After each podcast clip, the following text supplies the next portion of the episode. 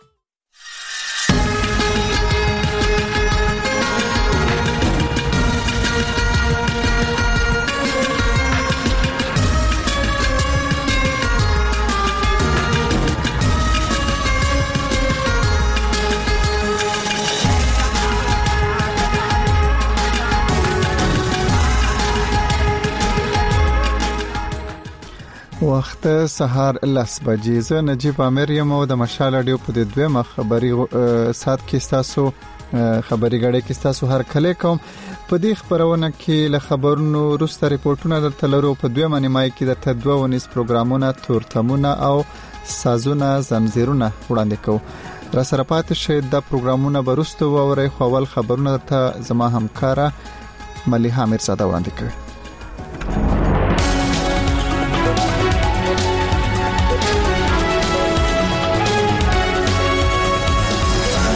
السلام علیکم تر ټولو اول پام وکړئ د خبرونو سرټکو ته د امریکا ولسمشر ل خپل افغان سیال سره په ټلیفوني خبرو کې د افغانستان سره د خپل هیواد ملاتړ جاري ساتلو ډاډ ورکړي د سند حکومت په کورونا وایرس کیسونو کې د زیاتوالي لامل د جولای لښپګوشتمه نه بیرته د بندیزونو لګولو فیصله کړې او د اولمپیک نړیوالې سیالۍ پرون د جاپان په مرکز ټوکیو کې په رسمي ډول پیل شوې د امریکا ولسمشر جو بایدن له خپل افغان سیال اشرف غنی سره په ټلیفوني خبرو کې په دې خبره ټینګار کړی چې هیواد به له افغانستان سره د پرمختیايي او بشري مرستو په ګډون خپل ملاتړ ته دوام ورکوي سپینه مانه پرون په یو بیان کې ویل چې دوه مشرانو دوامدار دوه اړخیزه ملګرتیا ته خپل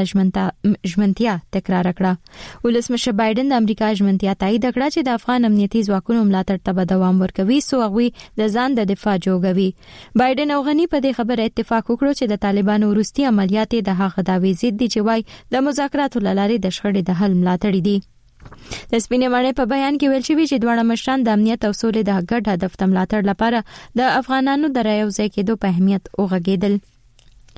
د پاکستان د بهرنیو چارو وزیر د جولای په 23مه د چین په رسمي دوه ورځنی سفر دی د پاکستان د بهرنیو چارو وزارت پرون په خبر پاڼه کې ویل چې له قریشي سره نور لوړپوړي چارواکي هم ملګري دي شاه محمود قریشي د خپل چینایي سیال وانګي په بلنه د چین په سفر دی د پاکستان سرکاري ریډیو خبر ورکړی چې قریشي چین ته د سفر مخکې په یو ویډیو پیغام کې پاک چین دوستي یو قوي ستراتیژیکه ملګرتیا وبلله قریشي ویل چې په لیدنه کې به د افغانستان او سیمې په حالاتو هم خبرې کیږي او د چین پاکستان اقتصادي لارې په پروژو هم غږیږي نو مورې له هغه وروسته چین ته تللې چې د جولای په 14مه په کوهستان کې په یو بمی چاودنه کې د نهو چینایي وګړو په ګډون 12 کسان وژل شول د سند حکومت د کورونا وایرس کیسونو کې زیاتوالی ته په کتو د ګل لورز نه د بندیزونو د بیا لګولو فیصله کړې پرون د سند اعلی وزیر مراد علي شاه په مشرۍ کې د کورونا وایرس کاری ډلې یا د ټاسک فورس غونډې د پریکړو لمخه په صوبه کې به تعلیمي ادارې بندې وي په رستورانتونو کې د نن او بهر د خوړو اجازه بنوي او د بازارونو د خلاص پاتې کېدو وخت په عمر کم کړل شي د حکومتي فیصلې تر مخه شاپینګ مالونه او بازارونه به د سحر لشپګونه د ماخام تر شپګو خلاص وي خو د وخت پابندي به د بیکریانو ترڅنګ د ضروري سامانونو او دوايانو په دکانونو نه وي لاګو دا په داسې حال کې ده چې په سند او د پاکستان په نورو برخو کې د کورونا وایرس مثبت کیسونه په زیاتېدو دي د خیبر پښتونخوا د ډایریکټریټ په سطح کارکونکو سرکاري ملازمین وایي چې په نوي مالی کال بجټ کې د خصوصي مراتو لاندې د دوی په تنخواګانو کې د یو نیم سل فیصد اضافه ژمنه تر اوسه نه ده پوره شوې دغه سرکاري ملازمین وایي چې د سیکټریټ په سطح د لسو زرو لوړپوړو سرکاري افسرانو تنخواګانې او نیم سل فیصد زیاتې شوي خو دوی ترې بې برخې دي نو ځکه د تیرو اتو ورځو راهیسې یې کار به تیز روان دی د احتجاج کوونکو افسرانو د تنظیم مشر امین خان د جولای په درویشتمه مشال ریډیو ته وویل چوده هزار کې تقریبا لږ بس دس هزار افسرانو ته لګېدلې ده پچاس هزار ساټ هزار ستر هزار ایورې دومره زیاته شوې ده حکومت لپاره هېڅ ګرانه نه ده چې دس هزار ته یې ورکړل شي نو د چار هزار ته یې ورکړل شي احتجاج کوونکي وایي چې د سلورو زرو افسرانو ته ترڅو دغه خصوصي مراد نه وي ورکړل شوی تر هغه به هړتال جاری وي دوی غوښتنه کوي چې د اعلی وزیر له ډاټ سره سم د دوی په تنخواګانو کې د هم د زیاتوالي رسمي اعلان وشي د خیبر پښتونخوا حکومت تر اوسه د دوی د غوښتنو په اړه څه نه دی ویلي او د 2020 کال د اولمپیک سیالۍ چې د کرونا وایرس جهاني وبا له امله تر یو کال لځنډېدلې وې پرون د جاپان په مرکز ټوکیو کې تقریبا په یو خالي لوبغالي کې پیل شوې د جاپان د ټینس لوبغاړي نایومي اوساکا د اولمپیک مشال بل کړو د هوا چینجا ناروهیتو په رسمي توګه د سیالو افتتاح وکړه په انال کې په جاپان کې ډېری خلک د کرونا وایرس لامل د لوبو منعقد کېدو خلاف دي ناروهیتو د سیالو په پرانیسونډه کې تر زرو کم تماشایانو تویل چې زه د ټوکیو د لوبو د پیلېدو اعلان کوم هغه لوبغالی د اتش په تزرو تماشایانو ځای لري د ټینس لوبغاړي اوساکا ته د فوکوشیما د شاوخوا سیمې اوسیدونکو ماشومان یو ډلې مشال په لاس ورکړ د فوکوشیما سیمه په 2011 کې سونامي او یو اټمي ناورین تباہ کړی و دا د مشال ریډیو خبرونه ملي حمیر زاده و چې تاسو ته خبرونه وړاندې کول اوریدونکو د دې خبرونې په دویمه نیمای کې درته تورتمونه او سازونه زنجیرونه ونیزي خبرونه وړاندې کوو خو اوس رپورټونه د افغانستان او امریکای ولس مشرانو اشرف غنی او جو بایدن پرون له یو بل سره ټلیفوني خبرې وکړې د امریکا ولس مشر یو واري بیا ډاډ ورکړی چې هېواد یې د افغان ولسمشر او حکومت ملاتړ کوي. دا څرګندونې داسې مهال کېږي چې د طالبانو یوه ویاند ولسمشر غني د سولې د موافقې پر وړاندې یو خنډ بللی و. له بلې خوا د افغانستان د ملي امنیت سلاکار خبرداری ورکوي چې زرګونه نور وسلوال د طالبانو په لیکو کې د جګړو لپاره افغانستان ته روان دي. په همدې حال کې د ملګرو ملتونو د عمومي اسمبلۍ مشر له نړیوالو غوښتي چې د افغانستان د جګړې د حل په چاره کې مرسته وکړي. زموږ همکار احمد تکل د موضوع تفصیل وړاندې کوي. وروسته له دې چې طالبانو د ولسمشر اشرف غني او د افغان حکومت د لرې کېدو غوښتنه وکړه، د متحدو ایالتونو ولسمشر جو بایډن له افغان ولسمشر سره ټلیفوني خبرې وکړې او هغه ته یې د خپل ملاتړ ډاډ ورکړ. د طالبانو یو ویاند او د مرکچي پلاوي غړي سهیل شاهین پرون له اسوشیتد پرس خبري اژانس سره په مرکه کې وویل چې که د خبرو په نتیجه کې ټولو افغانانو ته د منلو وړ حکومت په کابل کې واکمن شي او د اشرف غني په مشرۍ حکومت ولاړ شي، نو طالبان به خپلې وسلې کېږدي. ارګ پرون ناوخته په یوه خبرپاڼه کې وویل چې ښاغلي بایډن د دې خبرو پر مهال د افغان امنیتي دفاعي ځواکونو د ملاتړ ډاډ ورکړ. د بیان له مخې، دواړو ولسمشرانو د سولې د ټینګښت لپاره د افغانانو ترمنځ د ګډو هڅو او له افغانستان سره د امریکا د ډیپلوماتیکو او اقتصادي مرستو د دوام او د تېرو دوه لسیزو د لاسته راوړنو پر خوندیتوب ټینګار وکړ. د افغانستان او امریکا د ولسمشرانو له بېګانیو ټیلیفوني خبرو مخکې د سپینې ماڼۍ ویاندې جین ساکي په یوه خبري غونډه کې ټینګار وکړ چې ښاغلی بایډن او اداره یې د ولسمشر غني او د هغه د حکومت ملاتړ کوي. ولسمشر او اداره یې د اشرف غني په ګډون د افغانانو د مشرانو ملاتړ کوي. باید ووایم چې اوس مهال د افغان مشرانو ترمنځ د سولې خبرې او بحثونه روان دي چې موږ یې قطعي ملاتړ کوو. خو موږ به له حکومت سره په بشري، امنیتي او روزنیزو برخو کې مرستو ته دوام ورکړو او همداراز هڅوو یې چې د خپلو خلکو په دفاع او امنیت کې ټاکونکی رول ولوبوي. په همدې حال کې د افغانستان د ملي امنیت سلاکار حمدالله محب چې برتانیا ته په رسمي سفر تللی، پرون له سکای نیوز ټلویزیوني چینل سره په مرکه کې خبرداری ورکړ چې له پاکستاني مدرسو څخه شاوخوا پنځلس زره نور وسله وال د طالبانو په لیکو کې د جګړو لپاره افغانستان ته راروان دي. ښاغلي محب د استخباراتي سرچینو په حواله وویل، دا وسله وال له هغو لس زره طالبانو جلا دي چې مخکې له دې استخدام شوي. زموږ د اټکل له مخې لس زره جنګیالي د جګړو په دې فصل کې د پاکستان له مدرسو څخه د جګړې لپاره افغانستان ته راغلي دي او استخباراتي معلومات ښيي چې کیدای شي شاوخوا پنځلس زره نور نوي استخدام شوي جنګیالي هم د افغانستان په لور را روان وي نو طالبانو له هغو پټنځایونو څخه چې په چم گاوند کې لري دا امکانات ترلاسه کړل چې خپل لیکي بیا له سره جوړي او د حملو لړۍ بیا پیل کړي ښاغلي محب همداراز ټینګار وکړ چې طالبانو له تروریستي ډلو سره هسې چې له امریکا سره د سولې په موافقه کې یې ژمنه کړې وه، اړیکې نه دې پرې کړي. د ملي امنیت سلاکار د ازبکستان اسلامي نهضت د مثال په توګه یاد کړ او ویې ویل، دې ډلې چې د ده په وینا له طالبانو سره ډېر نږدې اړیکې پالي، په عین حال کې اسلامي دولت ډلې یا داعش ته بیعت کړی دی. حمدالله محب همداراز پر طالبانو تور ولګاوه چې د سولې په مذاکراتو کې هېڅ داسې نښې نښانې نه دي ښودلې چې په صادقانه هڅو کې وشمېرل شي او زیاته یې کړه چې طالبان حتی د سولې له خبرو څخه هم د خپلې پوځي اجنډا د پرمخ بیولو لپاره کار اخلي. هڅه مو وکړه چې د ښاغلي محب د څرګندونو په اړه د طالبانو د ویاندویانو غبرګون هم ترلاسه کړو خو د دې راپور د لیکلو تر مهاله د دوی غبرګون ترلاسه نه شو. تاسې د احمد تکل په رپورټ کې واورېدل چې د افغانستان او امریکا ولس مشرانو د ټلیفون له لارې خبرې کړې. امریکایي ځواکونه د اګست تر وروستۍ نیټې له افغانستان وځي. ټول نړیوال ځواکونه له افغانستان وځي. د پاکستان د قامي وطن پارټۍ مشر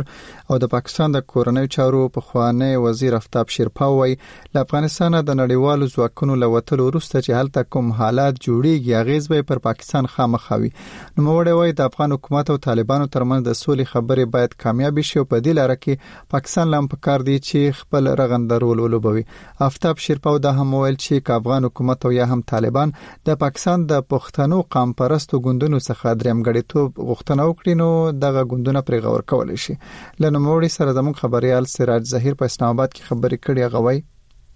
مونږ نه غواړو چې الته د خانه جنگي وشي مونږ نه غواړو چې الته د خون خراب وشي او مونږ نه غواړو چې داسې حالات پیدا شي چې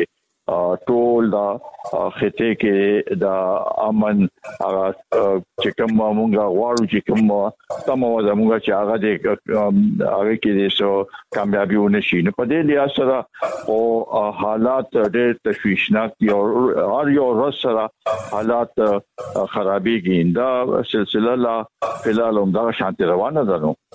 خا شیرپاو صاحب تاسو چې کوم اشاره کم اړخ ته وکړل نو د دې په پاکستان باندې سا سرات وی تاسو په دې سره نظر لرئ نو پاکستان باندې خو په لازمی خبره ده چې اثرات یي ځکه چې مونږه ګوانډیان یو دلته د مونږه مخکې نه تمره دلته افغان ماجر مخکم دلته غشته او کو حالات غشي نو خامخا به مونږ ته زموږ لپاره تشويشي او مونږ غواړو چې دا په امن طریقې سره پر امن طریقې سره حل روزي حل ځله پکې وشوي دا اخیری اوس د اختر نه مخکم پکې ملاقاتونه وشو د افغان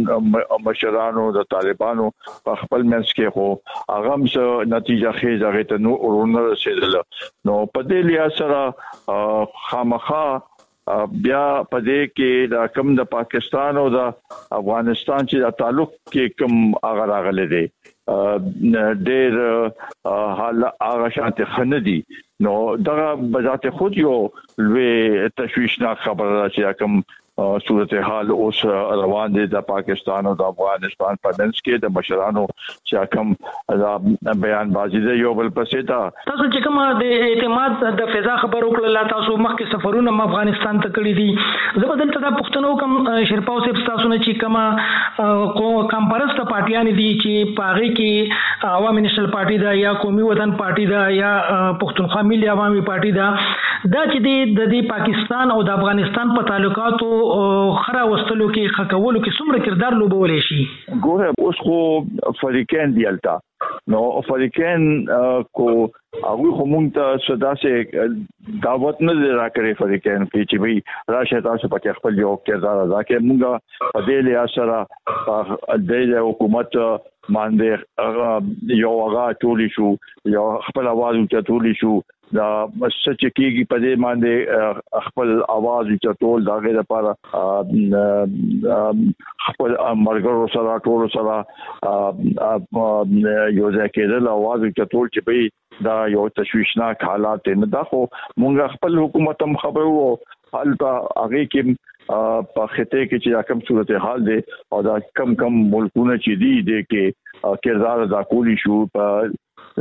د ګوانډیانو کې نو هغه هم تمګه دا د خاص کو چې به خپل یو راشه او تاسو په دې کې یو هغه دې یو حصہ په دې کې خپل هغه په دې کې حل ځلې وکړي اخیری پوښتنه زما ده نشر پاو صاحب چې تاسو څنګه خبر وکړه چې تاسو د خپل حکومت سره یعنی د پاکستان د حکومت سره خبره کولای شي نو تر اوسه پورې چې دا کم د امن دا د سولې دا خبرې را روانې دي د لړ کې تاسو د پاکستان کردار ته هم کتلی وي نو د پاکستان د حکومت سره کوم خبره تاسو کړې دا چې د لړ کې تاسو غوړه کردار ولوبوي ګوره د پاکستان حکومت سره مونږه خبرې نه دي کړې مونږ خو یو आवाज اوچت کړی دی مونږ خو په حزب اختلاف کې یو او په دې لیا سره مونږ خو بس صرف आवाज چتاو چې بھئی دا شی ټیک ته دا چې دا شی غلط دی په دې کې دا د صوبې خاص کر خیبر پښتونخوا بلوچستان تم دا د سیمه باندې دا پښتانه پراته دي نه پکار دا چې دا غي دلتم د مشرانو نه پکې ته پوسو کې چې پیسې کول پکار دي ځکه چې اساس خو په پونګم پروت دي د دې ټولو غا او مخکې مونږه د زمونږه معیشت هم هغه شوه دی او ډېر تکلیفات هم د تیر کړی دي د پاکستان د کورنۍ چارو پخوانی وزیر او د قامي وطن پارټۍ مشر افتاب احمد خان شیرپاو چې د سرار زهیر پښتنې ځوابولې او د هم ویل چې ک طالبان او افغان حکومت د پاکستان د پښتنو قام پرستو ګوندونو نه د دریم غړیتوب غوښتنه وکړي نو دغه ګوندونه پرې غور کول شي د مشال ریډیو د خالی ورځې 19 پروګرامونه تورتمونه په لسنیمو بجو سازونه زنجیرونه په پاوکم یو لسو بجو د کرخه په غاړه په دولسنیمو بجو سندره جادوګری په ایونیمه بجا روغتیا او درملنه په دونیمو بجو پام کوا په درینیمو بجو د مشال رادیوي مجله په څلورو بجو سروي په څلورنیمو بجو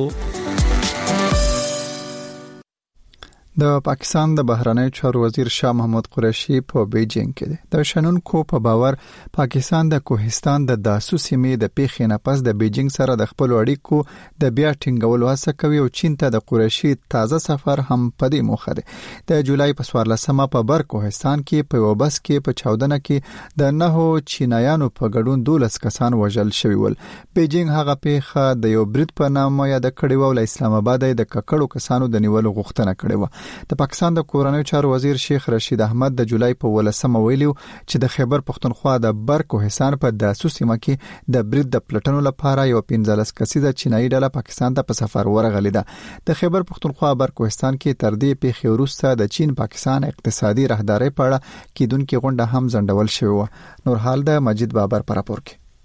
د پاکستان د بهرنیو چارو وزیر شاه محمود قریشي د خپل چینایي سیال وانګ یي په بلنه دا مهال په بیجینګ کې دی د جولای په درویشتمه په خپل یو ویډیوي پیغام کې قریشي د دې دوه ورځني سفر د ایجنډې تفصیل بیان کړو د پاکستان او چین دوه اړخیزه اړیکو ته بیا کتنه کول دي او زموږ چې کومه دوه اړخیزه او ستراتیژیکي ایجنډه ده د هغې جاج اخیستل دي د افغانستان په اړه چې د دواړو هیوادونو کوم سوچ دی هغه یو بل سره شریکول دي او په دې اړه د یو بل باور ترلاسه کول دي. په دې اړه د دواړو هیوادونو تګلارو ته کتنه کول هم د دې بحث برخه ده او په سیمه کې د روانو حالاتو جایزه اخیستل دي. قریشي په دغه ویډیو پیغام کې زیاته کړې چې د چین پاکستان اقتصادي راهدارۍ د پروژو په اړه خبرې به هم د دې سفر پر مهال د ایجنډې برخه وي. څو ورځې مخکې قریشي یوې خبري غونډې ته د خبرو پر مهال ویلي ول چې په داسو کې د یوې چاودنې پر مهال د نهو چینایي کارکوونکو د وژنې نه پس ورته وزیراعظم عمران خان چین ته د سفر هدایات ورکړي دي.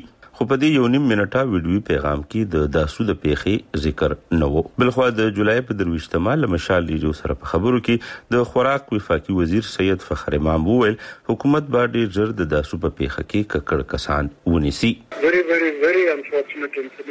دا ډېره زیاته بدمرغه پیښه وه.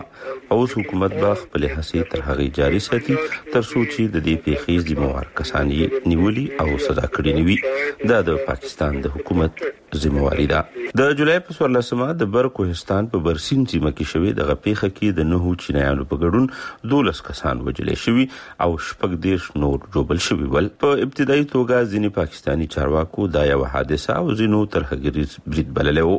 خو د چین د بهرنیو چارو د وزارت ویاند ژاو لیژان په بیجینګ کې یوې خبري غونډې ته د وینا پر مهال دا یوه ترهګریزه پیښه یاده کړې وه او له اسلام آباد د پیښې د پلټونو په دې برید کې ککړو کسانو ته د سختې سزا ورکولو غوښتنه کړې وه دا چې آیا د داسو د پیښې په اړه د حکومتي چارواکو متضاد بیانونو د دواړو هیوادونو ترمنځ د باور رشتې کمزوري کړي نو ځکه پاکستان بیجینګ ته د شاه محمود قریشي استول ضروري وګڼل. د مشال ریډیو د دې پوښتنې په ځواب کې د واکمن تحریک انصاف ګوند اتحادي او د پاکستان د سېنېټ د خارجه چارو د قائمه کمېټۍ غړي انوارالحق کاکړ وویل، د دې برید مرکزي هدف د دواړو هېوادونو تعلقات وو. دا څو انسیډنټ چې کوم شوی دی په دې کې یو اسټبلشډ فیکټ چې دی هغه دا دی چې ټارګټ چې دی هغه پاکستان چاینا ریلیشن شپ دی هغه هغه پنځه تنان یا اته تنان چې کوم بدقسمته د دې د فریبکارۍ شکار شو هغه خلک خو نه دي لوی ټارګټ یې دغه و چې د پاکستان او د چین په منځ کې اړیکې چې کوم دي هغه خرابې شي.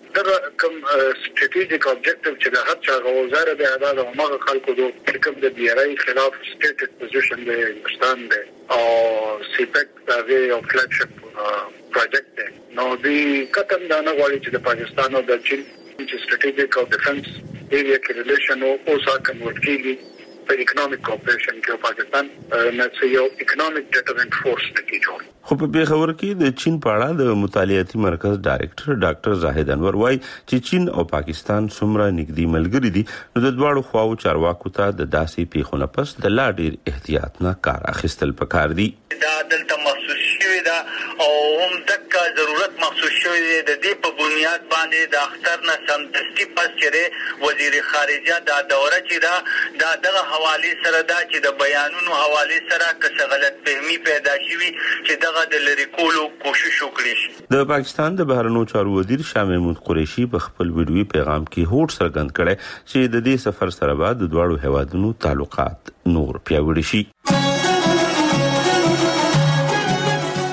د مشال رادیو نوې موبایل اپلیکیشن په هر ډول سمارټ فونونو کې کار کوي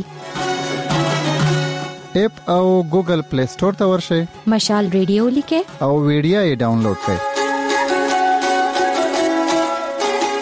مشال رادیو دا سیو لیکه M A S H A A L R A D I O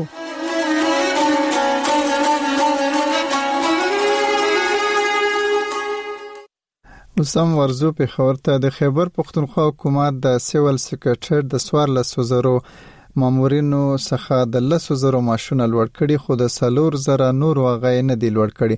د کومو ملازمینو چې تنخواګانې زیاتې شوي هغه د سیکریټریټ په کچه او د کومو هغو چې نه دي زیاتې شوي هغه د ډایرکټریټ په کچه کار کوي اوس دغه سلور زره پاتې مامورین د احتجاج او کاربندیز لاره د خپل معاشونو د لوړولو او د نورو مرات غوښتنه کوي حکومت تر اوسه دغه ملازمینو د تنخواګانو د زیاتولو په اړه کوم ګام نه دی پورته کړی نور تفصيل د غلام غوث په راپور کې په دغه اړه د احتجاج کوونکو افسرانو د تنظیم مشر امین خان شال ریډیو ته وویل چې په پښتونخوا صوبه کې په 14 زره د ګریډ 12 نواخله تر ګریډ 21 پوري د لسو زرو لوړپوړو افسرانو په تنخواګانو کې د خصوصي مراعاتو ورکولو د لارې د روان مالي کال په بجټ کې یو نیم سل فیصده اضافه شوې ده ولې د پاتې څلورو زرو افسرانو په تنخواګانو کې د لس فیصده اضافې نه علاوه د خصوصي مراعاتو د لاندې هیڅ اضافه نه ده شوې تقریبا 14000 افسران دي په صوبه کې 14000 14000 کې تقریبا لګ بګ 10000 افسرانو ته لګېدلې ده 50000 60000 70000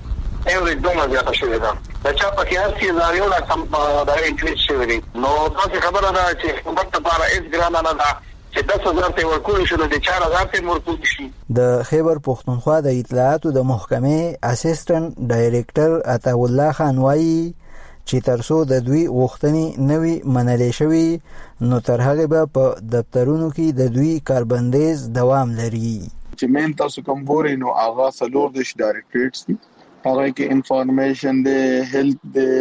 لایف سټاک ته فشریز والا دا شان پکې انوایرنمنت پروټیکشن ایجنسی دا ایجوکیشن دی هایر ایجوکیشن دی الیمنټری سیکنډری ایجوکیشن دی چې څوم قلم چور 48 کړو دیو سوچ تاسو کار کوئ موږ ته چې تاسو خو چې کار تاسو نه کوئ نو اوس کار څوک کوي تاسو خپل کار کوئ کنه اته ورځې زموږ د هړتال پوره شي ورکینګ ډیز اذروایز سټیانه پکې هم وي او زموږ سره ټول ډپارټمنټ چې کم دي هر یو ډایریکټریټ هغه خپل د غم لګولي پټې بم لګولي احتجاجي خپل بینر بم لګولي کارم سټاپ ته نو موږ لیګل کمیټیانه هم جوړی کړی دي هغه پروزیکیوشن نه چې هغه به چون کې کوم قانوني جنگ دی هغه به کوي دغه شان اکشن کمیټیانې جوړې دي تر دې دمه د چارواکو لخوا د ډایریکټریټ په سطحه د پښتونخوا د سلورو زرو سرکاري افسرانو د غوښتنو د منلو په اړه په رسمي ډول سندي ویلې شوی او نه حکومت د دې خبرې وضاحت کړی دی چې د سیکرټریټ په کچه د سرکاري افسرانو تنخواګانی ولی زیاتې شوې دي او د ډایریکټریټ د څنګه لاندې د کارکونکو افسرانو تنخواګانو کې دغه اضافه ولی نه ده شوی خو احتجاج کوونکو ځینی افسرانو مشال ریډیو ته وویل چې د پښتونخوا اعلی وزیر محمود خان ورله د دوی د غوښتنو د منلو ډاډګیرنه ورکړی ده خو دوی وایي چې ترسو د حکومت لخوا د دوی د غوښتنو د منلو اعلان نه وي شوی نو تر هغې به د دوی کاربندیز دوام لري غلام غوث مشال ریډیو پیښور د مشال ریډیو خبرونه د سهار له 9 د مازیګر تر شپږو پر دغه سپ واوریدای شئ میډیم ویوز شپږ سو یوش په شارټ ویوز 12113 15315 پته او 15955 کیلو هرتز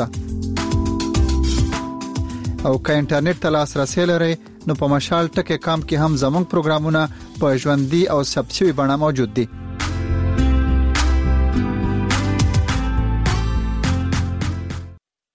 د پاکستان په سن صوبه کې د کورونا وایرس پیښې یو وار بیا مخ په زیاتېدو دي چارواکي وایي د کورونا وایرس ډیلټا بڼه په تیزی سره خوريږي حکومت په همدې موخه د راتلونکي ګل ورځې نه یو وار بیا د بندیزونو لګولو پریکړه کړې ده په پاکستان کې تر دې دمه له یو میلیون څخه زیات کسان په کورونا اخته شوي او له 22 زره زیات کسان یې مړه کړي دي له کراچۍ نه نیاز علي خان رپورټ راکوي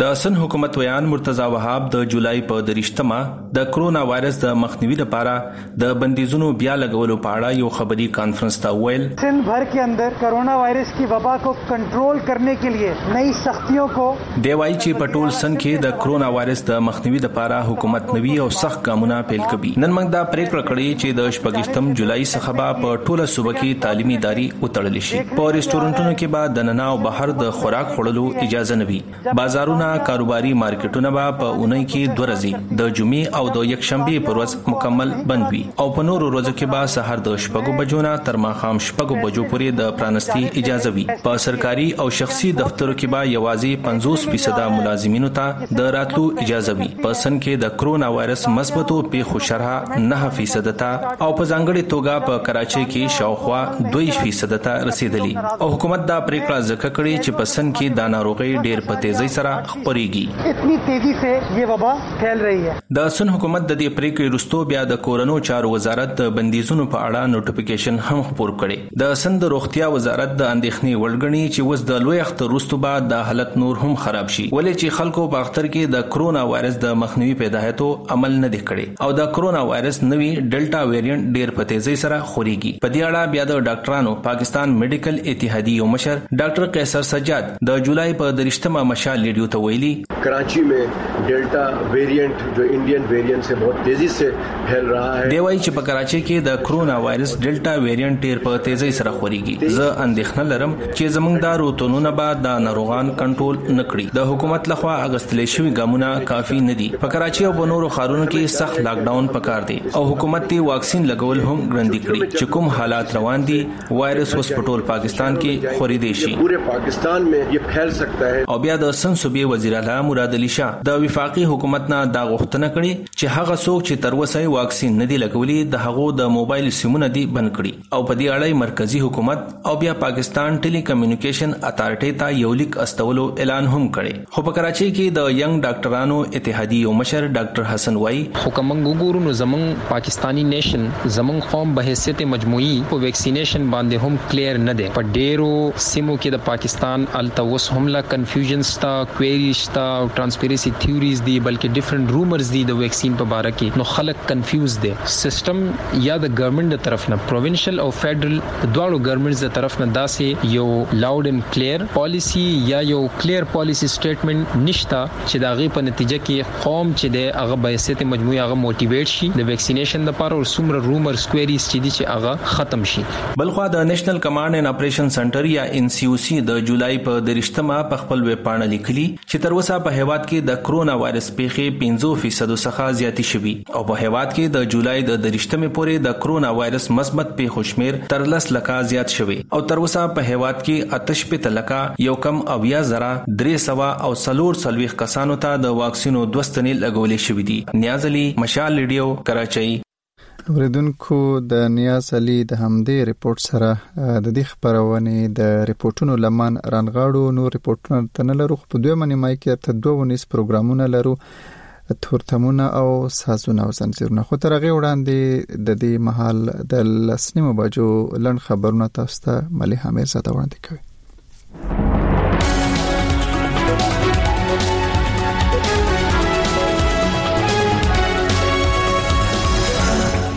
امریکا ولسمشر جو بایدن له خپل افغان سیال اشرف غنی سره په ټلیفوني خبرو کې په دې خبره ټینګار کړی چې هیواد به له افغانستان سره د پرمختیايي او بشري مرستو په ګډون خپل ملاتړ ته دوام ورکوي سپینې ماڼۍ د جولای په 23مه په یو بیان کې ویل چې دوانو مشرانو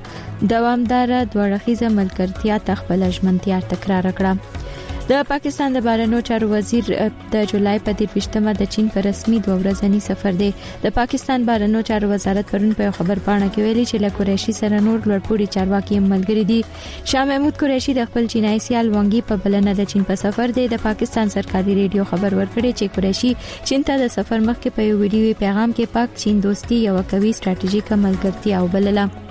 د سند حکومت د کورونا وایرس کیسونو کې زیاتوالی ته پکاتو د ګل د ورځې نه د بندیزونو د بیا لګولو فیصله کړې پرون د سند اعلی وزیر مراد علي شاه په مشرۍ کې د کورونا وایرس کاری ډلې غونډې د پریکړو لمخه په صوبه کې به تعلیمي ادارې بندې وي په رستورانتونو کې د نن او بهر د خوړو اجازه نه وي او د بازارونو د خلاص پاتې کېدو وخت هم راکم کړل شي د خیبر پښتونخوا د ډایریکټریټ په سطح کارکونکو سرکاري ملازمین وایي چې په نوي مالی کال بجټ کې د خصوصي مراتو لاندې د دوی په تنخواګانو کې د یو نیم سل فیصد اضافي اضافي اجمنې تر اوسه نه د پوره شوی د سرکاري ملازمین وایي چې د سیکریټریټ په سطح د 10000 سل لوړ پوړو سرکاري افسرانو تنخواګانې یو نیم سل فیصد زیاتې شوي خو دوی ترې به برخه دي نو ځکه د تیر وتو ورځو راهیسې کار بندیز روان دی دی وایي چې که غوښتنې ومنل نه منل شي نو تر هغه به هړتال جاری وي او د 2020 کال د اولمپیک لوبو چې د کورونا وایرس جهاني په بال عمل تر یو کال ځنډېدلې وي پرون د جاپان په مرکز ټوکیو کې تقریبا په خالي لوبغالي کې پیل شو مليحه مرزاده و چې تاسو ته د خبرونو لنډیز وړاندې کوو اوریدونکو روسر ته شاهین بنیری سازونه او زنجیرونه پروګرام وړاندې کوي خو اوس د ونیز خبرونه تور تمونه د خبرېدو وخت را رسیدلې د دې خبرونه قربه احمد شاه زمید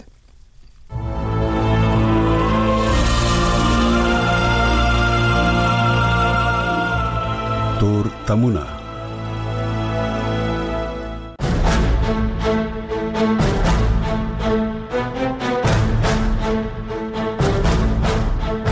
د مشال رادیو په اونیز خبرونه تورتمونه کې مزه احمد شاه اعظمي هر کله کوم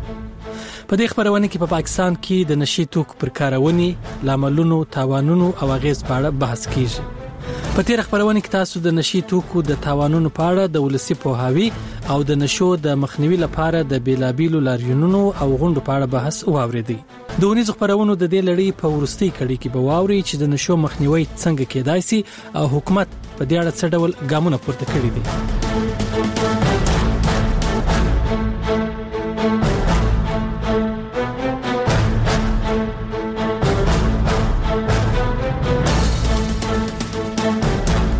پاکستان د نړۍ یو له هغو هیوادونو څخه دی چیرې چې په میلیونونو کسان په بیلابیلو نشو روږدي د ملګر ملتونو د نشي توکو او جرایمو د مخنیوي ادارې د 2013 کال له سروې سره سم په دې هیواد کې څه باندې 28 لک کسان په بیلابیلو نشو اخته دي خو د دې ادارې یو پاکستاني چارواکي محمد شیراز بیا وایي چې دا شمیر اوس تر سل لکه یا یو کروړ اوښتی دی په پېښور کې د دوست ویلفیر فاونډیشن په نوم په نشو د روږدو کسانو درملنې د پاکستان تر ټولو لوی مرکز مشر طارق خان وایي چې د حکومت لخوا د نشو مخنیوي لپاره جدي اقدامات پکار دي نوموړي زیاتوي بلخوا له درملنې وروسته د ناروغ بیا رغونه څارنه او د کورنۍ همکاري د نشو په مخنیوي کې مهم رول لوبولی شي دا بیماری ده دې لپاره خپل هسپتالونه جوړ دي چې دا پراپر دې علاج وشي او ردی علاج هم ریزیډنشل کې شي دا نه چې دوی ورور کا دي ځکه چې دې خپل ریبلیټیشن کې سنټر کې داخله دي کې لمنه فیزي ډیټوکسیفیکیشن وي دیم فیزي بیا ریبلیټیشن راځي دغه نوې به د بدن نه دي نشي دا اثرات وباسي نو بیا به زه پراپر سایکولوژیست په شور ورکر په دې باندې به کار کوي او د دې که څه مسایل دي په هغې به کار کوي نو هغې سره به دې مخنیوی کېدی شي د دې مریض فیملی اکنامیک کنډیشن دا ټول هم مسایل سره کتر غواړي که فیملی یو مریض نه وي دا شیان په سټریټ پروت وي دغه ریکوري چانس ډېر چې وشي که علاج وکړي بیا هغې حالت ته لاړ شي نو د فیملی رول فیملی ډاکټر ډېر پکې اهم دی په پاکستان کې د ډرګ اډوایزري په نوم د نشو مخنیوي او درملنې لپاره کارکوونکې ادارې د څېړنې له مخې په دې هېواد کې په نشو د روږدو کسانو درملنې لپاره شاوخوا یو نیم سل شخصي او دولتي مرکزونه او ادارې کار کوي چې د فعالانو په وینا ناکافي دي. د دا ډول ادارو مشران وايي چې په پاکستان کې په شخصي او دولتي کچ په نشو د روږدو کسانو درملنې مرکزونو زیاتولو اړتیا لیدل کېږي. د خیبر پښتونخوا په سوات کې د نوي ژوند په نوم په نشو د روږدو کسانو درملنې او بیا رغاونې مرکز مشر ریاض احمد حیران وايي چې حکومت ته په کار ده چې د نشو د مخنیوي او په نشو د روږدو کسانو د درملنې او بیا رغونې لپاره په خپله کار وکړي. نوموړی زیاتوي چې بلخوا حکومت ته په کار ده چې له شخصي مرکزونو سره مرسته وکړي. پکار ده چی حکومت یا پخپله کار شروع کی او آیا که حکومت کار کولی نو ماته څه ضرورت ده چی ما یوه اداره کوله وهله حکومت کار کوو ماته پکی ضرورت هم نه راتلو خو موږ ځکه دا ضرورت وګڼو چی په دی وطن ضرورت دی دی خلکو دپاره په نالو په ډیرانونو کی انجینران پراته دی ډاکټران پراته دی د مور پلار نازبینان بچوړی پراته دی د دی معاشری د ناکامی د وجی نه هغه خلک چی دی په دی شی کی ککر شوی دی اوس هغه خلک غواړي چې موږ د نشې نه راوځو، خو هغو ته داسې څه وسایل نه ملاوېږي. د وخت له تېرېدو سره سم که یو خوا په نشو د روږدو کسانو په شمېر کې زیاتوالی راغلی، نو بل خوا په ولس کې د پوهې او بیدارۍ لپاره د خیبر پښتونخوا په بېلابېلو ښارونو کې وخت په وخت بېلابېل لاریونونه او غونډې هم کېږي. د خیبر ضلعې په باړه کې د آیس نشې پر ضد د راوتلي یو لاریون ګډونوال شفیق اپریدی وايي چې نشې بېلابېل تاوانونه او اغېز لري او د مخنیوي لپاره یې پولیس او مقامي انتظامیې ته جدي ګامونه پورته کول پکار دي. لکه کوم ځوانان په دا نشه کې مبتلا دي هغو خپلو کورنو باندې هم بوج جوړ شوی دی او بل دا چې هغو د خپلو نشو د پیدا کولو لپاره مختلف واردات کوي نشې کوي، بیا دغو چوکونو روډونو له ووځي، غلې، ډاکې، واردات په دغو شیونو کې بیا ملوث وي، دغو د مخنیوي د پوره یا چې کم ډیلرون وي یا د خرید فروغ کوي هغه ډیره په غلا بوندې کیږي خو دا د عام کس کور نه دی مقامي پولیس او د هغه د ضلعي انتظامیه د دغو تعاون ضرورت دی چې دغې خلوف یو ګرینډ آپریشن وشي. د هغه روکتام داسې په اسونه نه کېږي حالانکه دا شای ورېځ په ورېځ ډېرېږي، هغه کنټرول په کور ده چې دا معاشره تې سوپه شي. بلخوا د خېبر قبایلي سیمې یو بل مدني فعال هاشم اپریدی هم ورته نظر لري خو وايي چې د نشو کاروباریانو او پلورونکو ته باید سخته سزا ورکړل شي. قونون کې خو سختي وته شته خو دو خو هغه سختي نه کوي په کور دو چې لکه د ايس وله د خرڅېدو ولم چې نن ګېر شي سبوي بیا روخلوس وي په زومينت بوندې چې کم په ايس پېرې ګېر شي دتو سې په زومينت بوندې بیا څله پرېږدو او په کور دو چی سخته نه سخته سزو ورکول شی او ډیر وخته قید ورکول شی ځکه چی یو غله د ایس خرڅیدو ولله عبرت عبرتنوکه سزو ورکړی شی نور خلک په تی عبرت وخلی او دبی ډیر نشی ده شی. د خیبر پښتونخوا اسمبلۍ په دوه زره شلم کال کې د خیبر پښتونخوا د نشي توکو د کنټرول قانون منظور کړ چې له مخې یې په دې صوبه کې د نشي توکو د استعمال او د دې د روزګار د مخنیوي لپاره دوه ځانګړي عدالتونه او پنځه تاڼې جوړې شوې. چې واک یې اکسایز محکمې ته وسپارل شو. دې محکمې ته اوس د ملزمانو د نیولو او پوښتنو ګروېږنو بشپړ واک ورکړل شوی دی، خو له دې وړاندې دا واک د نشي موادو د مخنیوي له مرکزي ادارې، انټي نارکوټکس فورس، سره و. د اکسایز او ټکسېشن ادارې یو چارواکی عسکر خان وايي چې د دې قانون د منظورۍ اصل هدف د آیس نشې مخه نیول ده. نوموړی زیاتوي چې دوی د نشو د کاروباریانو د نیولو لپاره عملیات کوي، خو د عدالتي کارروایي پرته دوی نور اقدامات نه شي کولای. هغوی په دومره جدید طریقو سره اوپریټ کوي او ایټایمز موږ سره هغه جدید ایکوپمنټس نه وي چې موږ د دې هغه بیک ټریکینګ او هغه ټول دغه وکړو کنه لکه موږ خو کس ونیسو خو دې کې مین کس خو نه دا خو ټول عمر کیریري اوس هغه مین کس ته رسیدل هغه لینک اسټابلیش کول او هغه پروسیکیوټ کول دا یو ځان له یو لینتی پروسس ته یو کمپلیکیټډ پروسس دی لکه په ظاهر باندې خدا ډیر آسان کار ښکاري چې یو بنده وایي چې تاسو چې دا کسونی سو لکه د دې مین سورس فلان کې دی او تاسو به خو عدالت ته پر جد دا دومره اسانه خبرې نه کنه چې دا سړی اگینست دومره پوس شواهد اسټابلیش کول چې د دې شات دا سړی دی د سپانسر کوي دا پیسې بده ده هغه پیسو ډیر کمپلیکیټډ میکانیزمز دي دا ترانسفرز ټول ډیر کمپلیکیټډ میکانیزمز دي نو په دې وجه باندې ایټ ټایمز هغه پراسیکیوشن هغه څه ونشي چې څنګه پکاري نو بیا د دې وجې لکه غټ کسان پکې ایټ ټایمز د اسکیپډ بلخوا د خیبر قبایلي ضلعې د پولیسو مرستیال مشر نواز خان وايي چې دوی د نشي توکو او کاروباریانو خلاف یو شمېر کاروایان کړي او اوس هم لاس په کار دي. ايک ايک دوه زره بیس نه ونيسه تر پندره چار دوه زره بیس پورې مونږ کوم کاروايي کړې ده د منشياتو خلاف او کوم کامیابي مونږ حاصله کړې ده نو خدای پاک دا ډیسټریکټ خیبر پولیس او د ډیسټریکټ خیبر پوسرانو باندې دا یو رحم کړی دی په دې کې چې زموږ چې کوم هیروین نیول شوی دی نو دا چې 3 لک 19360 ګرام چې دا مونږ په یو کال کې دا هیروین نیولې دي افیل مونږ نیولې دي ایک لاک 66 هزار 156 ګرام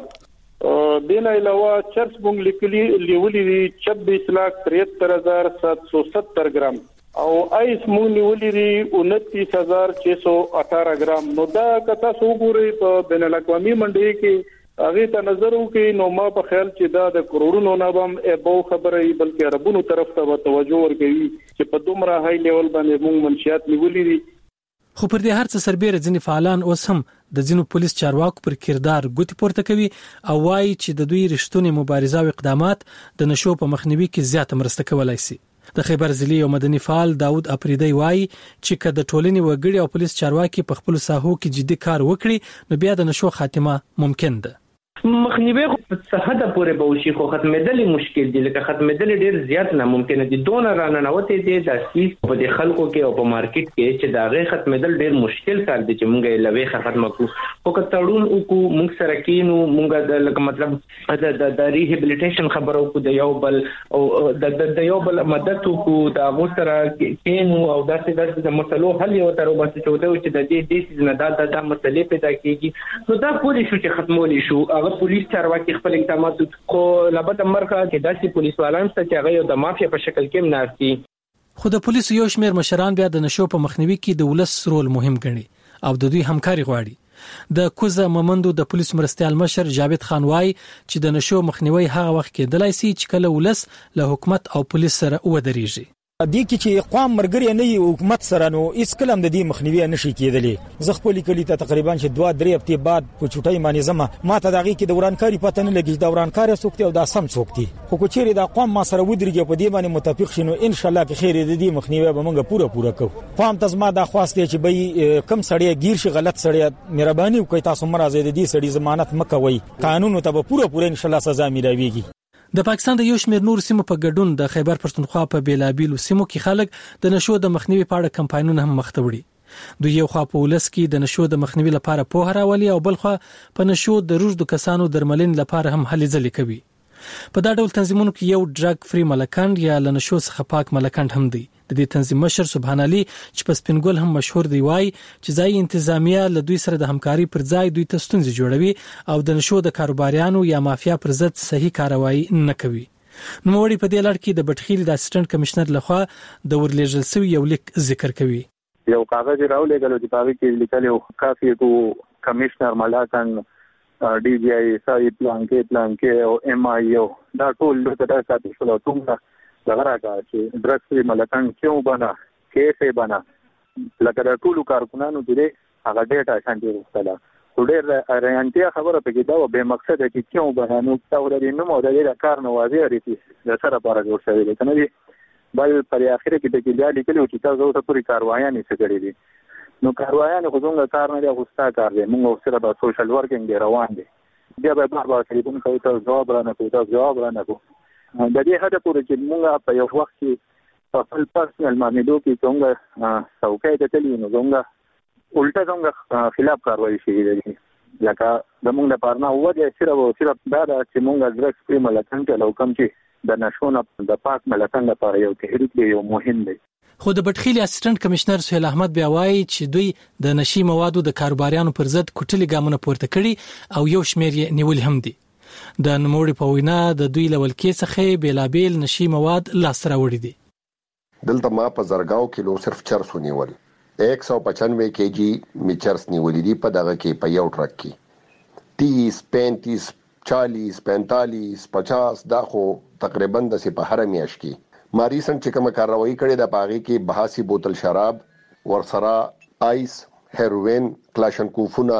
کنه او چرس دا مې بل نیولي دي. بلخوا د پاکستان په قامي اسمبلۍ کې د نشي موادو د کنټرول قایمه کمېټۍ غړی او له خیبر قبایلي سیمې منتخب استازی محمد اقبال اپریدی وايي چې د دوی حکومت د نشو د مخنیوي او د دې د کاروباریانو پر ضد په اسمبلۍ کې سخت قوانین منظور کړي دي. چې څوک یا په غټه سطح باندې کاروبار کوي یا چې کوم دی هغه سپلایر وي نو دا دواړه به په نشاندهي به وشي لیستونه به تیار شي او په دې به په کورونو باندې چاپی غورځيږي لہذا موږ پوره پوره کوشش کوو چې سمګلینګ د پاکستان نه بیا د آیس د پودرو د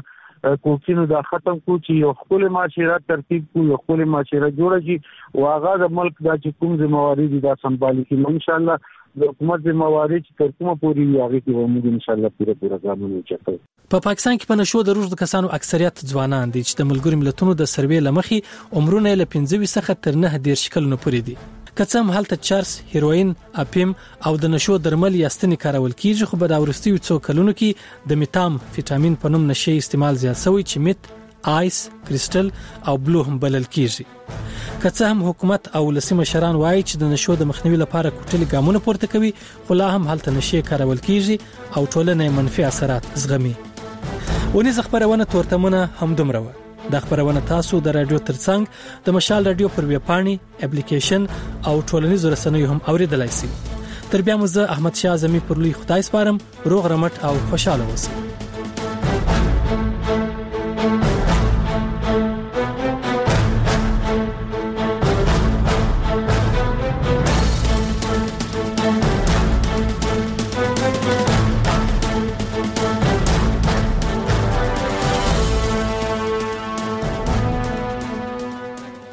دا مشال رډیو ده په میډیم ویو شپږ سوه یوویشت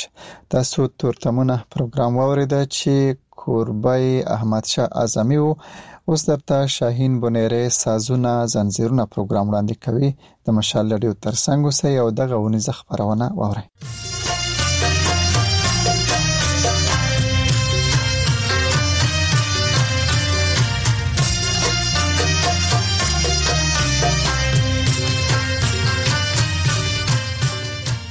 ستړي مشه اوریدونکو شاهین بنيري مو په پښتونخوا کې په موسیقي او هنري اظهار د بندیزونو او هنرمندانو ته د ورپې خستونزو په اړه په دازنګړي خبرونه سازونه زنجیرونه کې ستاسو هرکلی کوم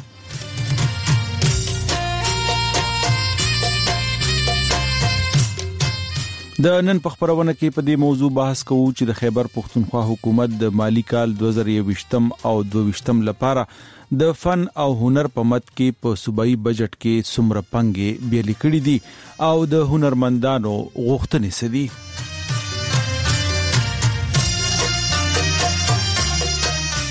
په داسې حال کې چې د تیر سمودې راهیسې په خیبر پښتونخوا کې د بیقرارۍ او وسلوالو ډلو د هلو زلو لکبله سندرغاړي فنکاران او موسیقاران د خپل ژوند او روزګار په حواله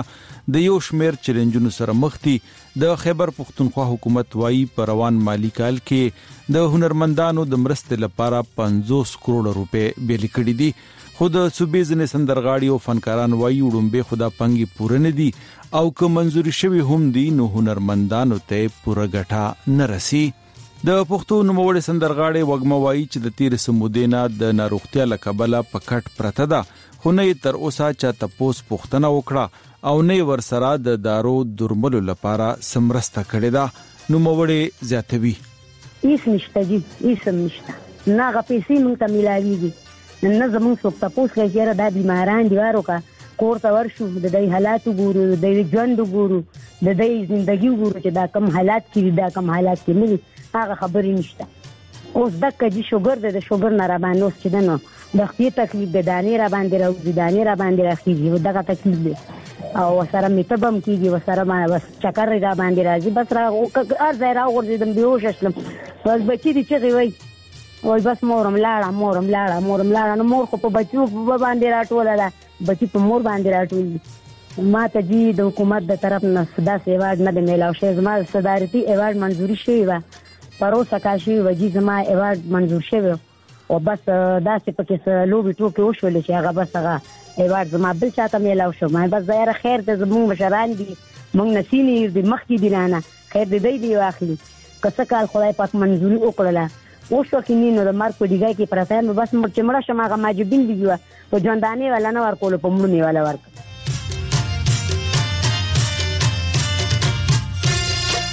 په خیبر پښتونخوا کې د کلچر د سانګې مشر اجمل خان بیا وایي چې د 500 کروڑو په مالی خرڅه د هنرمندانو لپاره یو انډاومنت فند جوړ کړی دی چې د سوري د لاندې به د حاجتمندو سندرغاړو او فنکارانو سره مرسته کیږي نوموړي زیاتوي چې ډیر زر به په دغه اړه یو کمیټي هم جوړوي چې ضرورتمند هنرمندان په ګوته کی او بیا ورلا مرسته ورکي دا هو اوس څنګه چې دا زموږ یو اثر دی جوړ شو کنه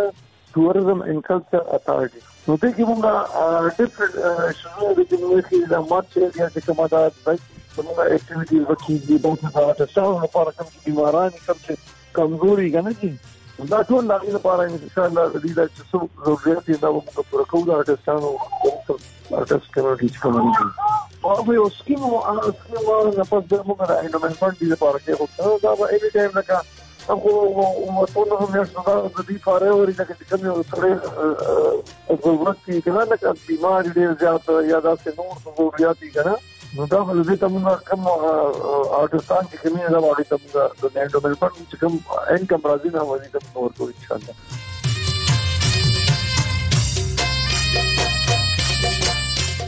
خو د ټي وي او رادیو یو بل نوموړی فنکار ارشد حسین وای چې د کلتور وده د حکومت په لومړیتوبونو کې نه ده د بدامنۍ او بیروزګارۍ له کبله ډیرو هنرمندانو یا خو کډې کړي دي او یا په لوګو تندو مجبور دي خو حکومت داسې هیڅ نظام نه لري چې مرستې ورسره وکړي نوموړي وایي حکومت له پکار ده چې په دغه اړه کلتوري نقشې جوړې کړي او د مستحقو هنرمندانو مرسته وکړي زه ډیر زیات حیران یم په دې بجټ کې چې دی 50 کروڑ روپۍ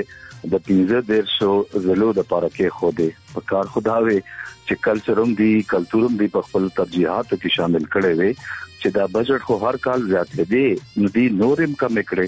50 کروڑ روپے انډورمنټ فند نو دا کلچر خو صرف هنرمن آرټیست یا سنگر خو نه دی کنه صوبه کې دا کال دوه شو چې دی د اتارټي کا یعنی د سیل سپارټي غا کومه محکمه چې وا د لوب محکمه د ځوانانو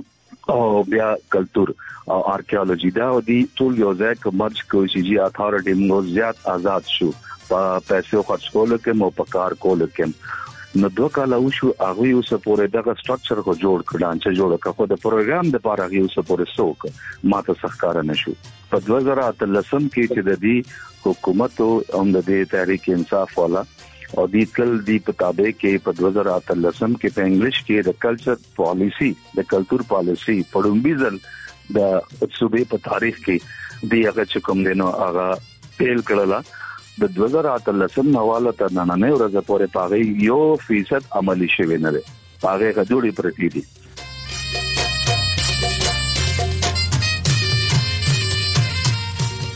ارشد حسین زیاتوی خبره یوازې د مالی مرستو نه ده بلکې په صوبه کې د کلتوري او هنري هلو زر لپاره انفراستراکچر نشته رادیو او ټلویزیون نوې پروګرامونه نه جوړي او شخصي ټلویزیون چینلونه پورا معاوضه نه ورکي نو موري وايي په دغه اړه ډېر زر د پارلماني غړو او حکومتي چارواکو سره یو مباحثه را جوړي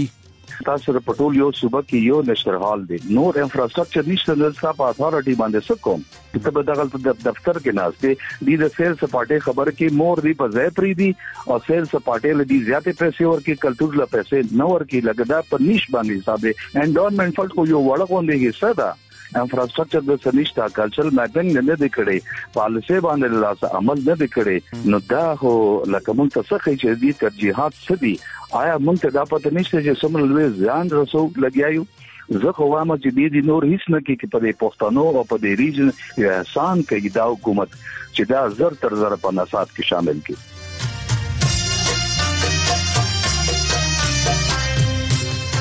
سندرغاړي او فنکاران د غوښتنې په داسې حال کې کوي چې ډېر هنرمندان د بدمنۍ او کار د نشټوالي لکبله په کورونو ناشتي او د سوشل میډیا د راتک سره یا خزان لا چینلونه پرانستي دي یا نور روزګارونه پیل کړي دي او یا په ډېر لګه معاوضه د شخصي پروډکشن کمپنیو سره کار کوي اوریدونکو دا وه زمونږ د نن خبرونه را روانه ونه به په ورته موضوع دی وی بل خبرونه سره راځو خپل کوربه شاهین بنيري له اجازه ورکه خاد آباد او بریالي اوسئ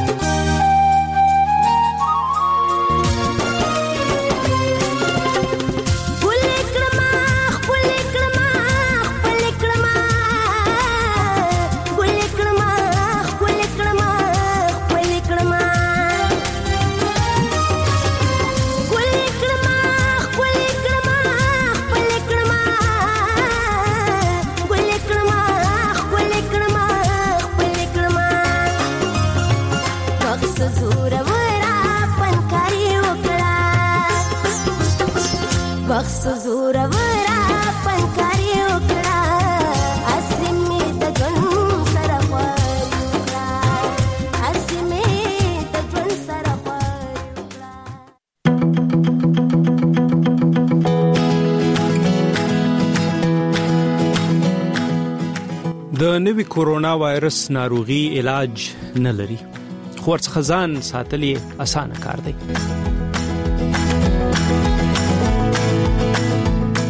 د روغتیا نړیواله اداره وایي لاسونه په بیا بیا په ساده صابون مینځي مخ پوزې خولې او سترګو ته لاسونه مو وروړي له خلکو څخه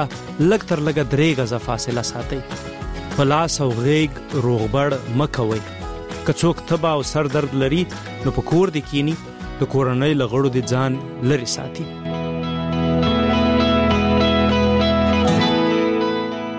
په یاد ولرئ احتیاط مو له کورونا وایرسه ژغورلی شي